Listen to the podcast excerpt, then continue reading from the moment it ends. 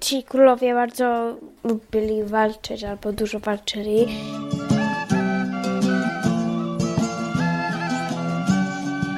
Witam Was w 80. odcinku podcastu Historia Polski dla dzieci oraz według dzieci. Dzisiaj będziemy kontynuować temat dynastii Wazów, a także temat reformacji, kontrreformacji i tolerancji religijnej. Jeżeli jeszcze nie słuchaliście poprzedniego odcinka, to polecam przysłuchać go najpierw, tamten odcinek 79, a potem dopiero wrócić tutaj i przesłuchać ten do końca. Przypomnijmy, skąd się wzięli Wazowie na tronie Polski. Zygmunt Waza był wnukiem Zygmunta I Starego, a siostrzeńcem Zygmunta II Augusta. Gdy zasiadł na tronie, nazywano go Zygmuntem III Wazą. Ale ilu synów miał Zygmunt Waza?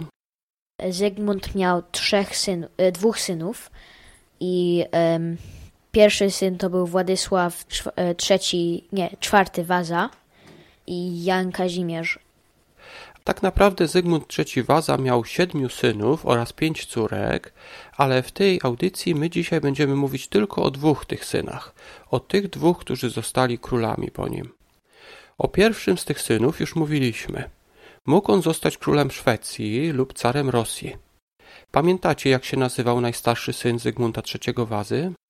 Władysław e, IV Waza, to jeśli on by został protestantem, to byłby królem Szwecji, ale jeśli by przeszedł um, na prawosławie, to by został e, carem Rosji. Władysław IV Waza został królem Polski po ojcu.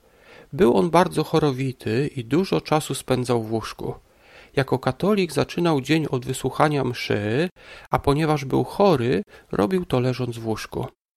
Za jego życia prowadzono dwie wojny z Rosją i z Turcją. Wtedy też wybuchło powstanie na Ukrainie, powstanie Chmielnickiego. Władysław IV postanowił też uczcić swojego ojca.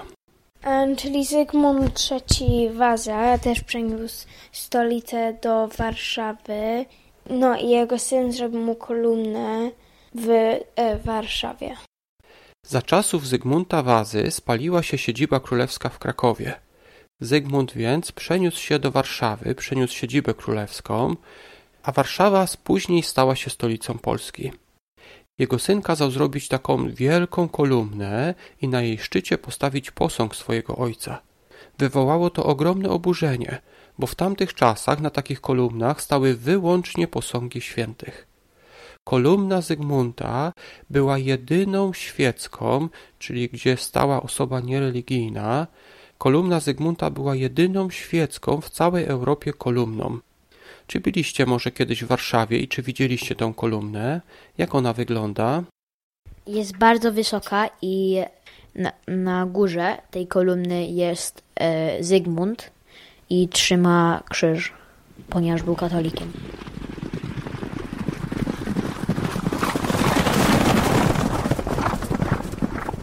Gdy królem Polski był Władysław IV Waza, jego brat Jan Kazimierz przeżył wiele przygód jeżdżąc po Europie. Nie wszystkie z tych przygód były dobre.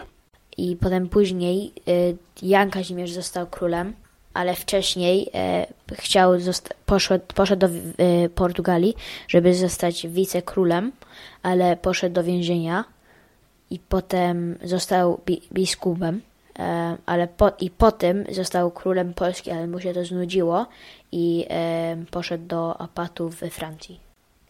Jan Kazimierz otrzymał propozycję, aby zostać wicekrólem Portugalii. W tamtych czasach Portugalia była pod władaniem króla Hiszpanii i król chciał wysłać do Portugalii kogoś, kto będzie tam rządził w jego imieniu. Tym kimś miał być wicekról, a tą pozycję miał otrzymać właśnie Jan Kazimierz Waza. Pojechał on więc do Hiszpanii, a jechał przez Francję. Niestety te dwa kraje, czyli Hiszpania i Francja, w tamtym czasie walczyły ze sobą i dlatego aresztowano Jana Kazimierza.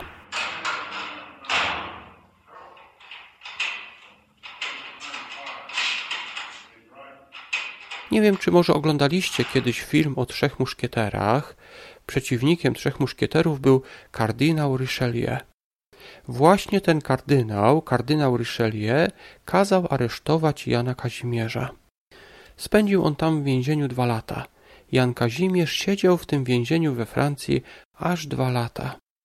Gdy wyszedł, było już za późno, żeby zostać wicekrólem Portugalii. Zmienił więc plany i pojechał do Włoch, a tam papież uczynił go biskupem.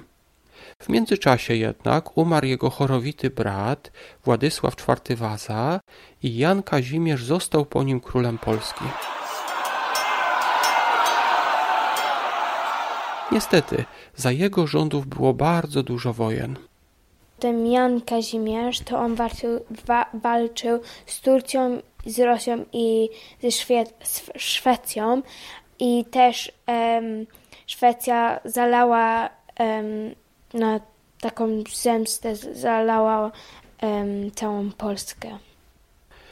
Najgorszą z tych wojen była wojna ze Szwecją, którą zwykle nazywa się potopem szwedzkim. Szwedzi najechali Polskę i zdobyli prawie całą Polskę. I zdobyli ją prawie całą na prawie sześć lat. Pamiętacie, że Szwedzi byli protestantami? Gdy napadli na Polskę, niektórzy polscy i litewscy protestanci pomagali Szwedom. Gdy więc po sześciu latach wygoniono Szwedów, postanowiono wygonić z Polski także niektórych protestantów. W poprzednim odcinku mówiłem wam o reformacji protestantach, czyli o ludziach, którzy chcieli zreformować Kościół katolicki. Zreformować to znaczy zmienić. Oni też protestowali i dlatego nazywa się ich protestantami. Czy pamiętacie przeciwko czemu protestowali? Protestowali na przykład przeciwko sprzedaży odpustów. Tak więc protestanci mieli reformację, a katolicy mieli kontrreformację. Myślę, że łatwo to zapamiętać, bo katolicy i kontrreformacja zaczynają się na literę K. Przypomnę może, że wszyscy królowie z dynastii Wazów byli katolikami i wspierali kontrreformację. To były zupełnie inne czasy.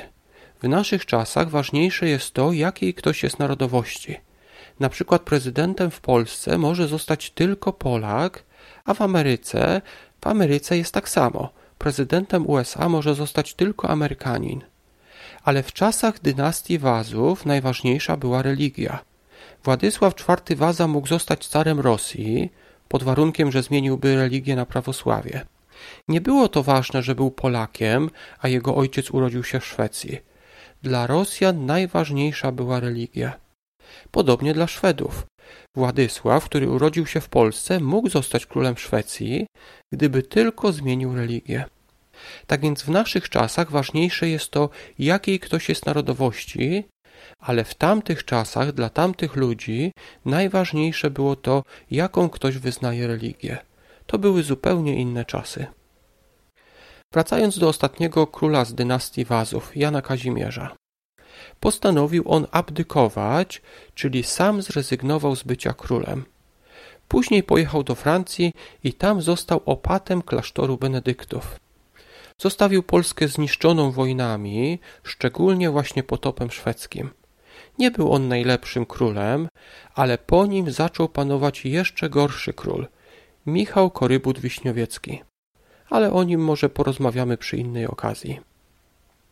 Na dzisiaj to już wszystko. Dziękuję Wam za wysłuchanie do końca. Jeżeli uznacie, że ta audycja jest ciekawa, zapraszam Was do tego, żebyście podzielili się nią z innymi osobami. Jeżeli też chcecie i możecie, zapraszam do wspierania tej audycji pieniężnie na Patronite. Wszystkie linki do Patronite'a, a także link do grupy na Facebooku będą w notatkach. Jeszcze raz dziękuję za wysłuchanie i zapraszam niedługo do kolejnego odcinka. Do usłyszenia.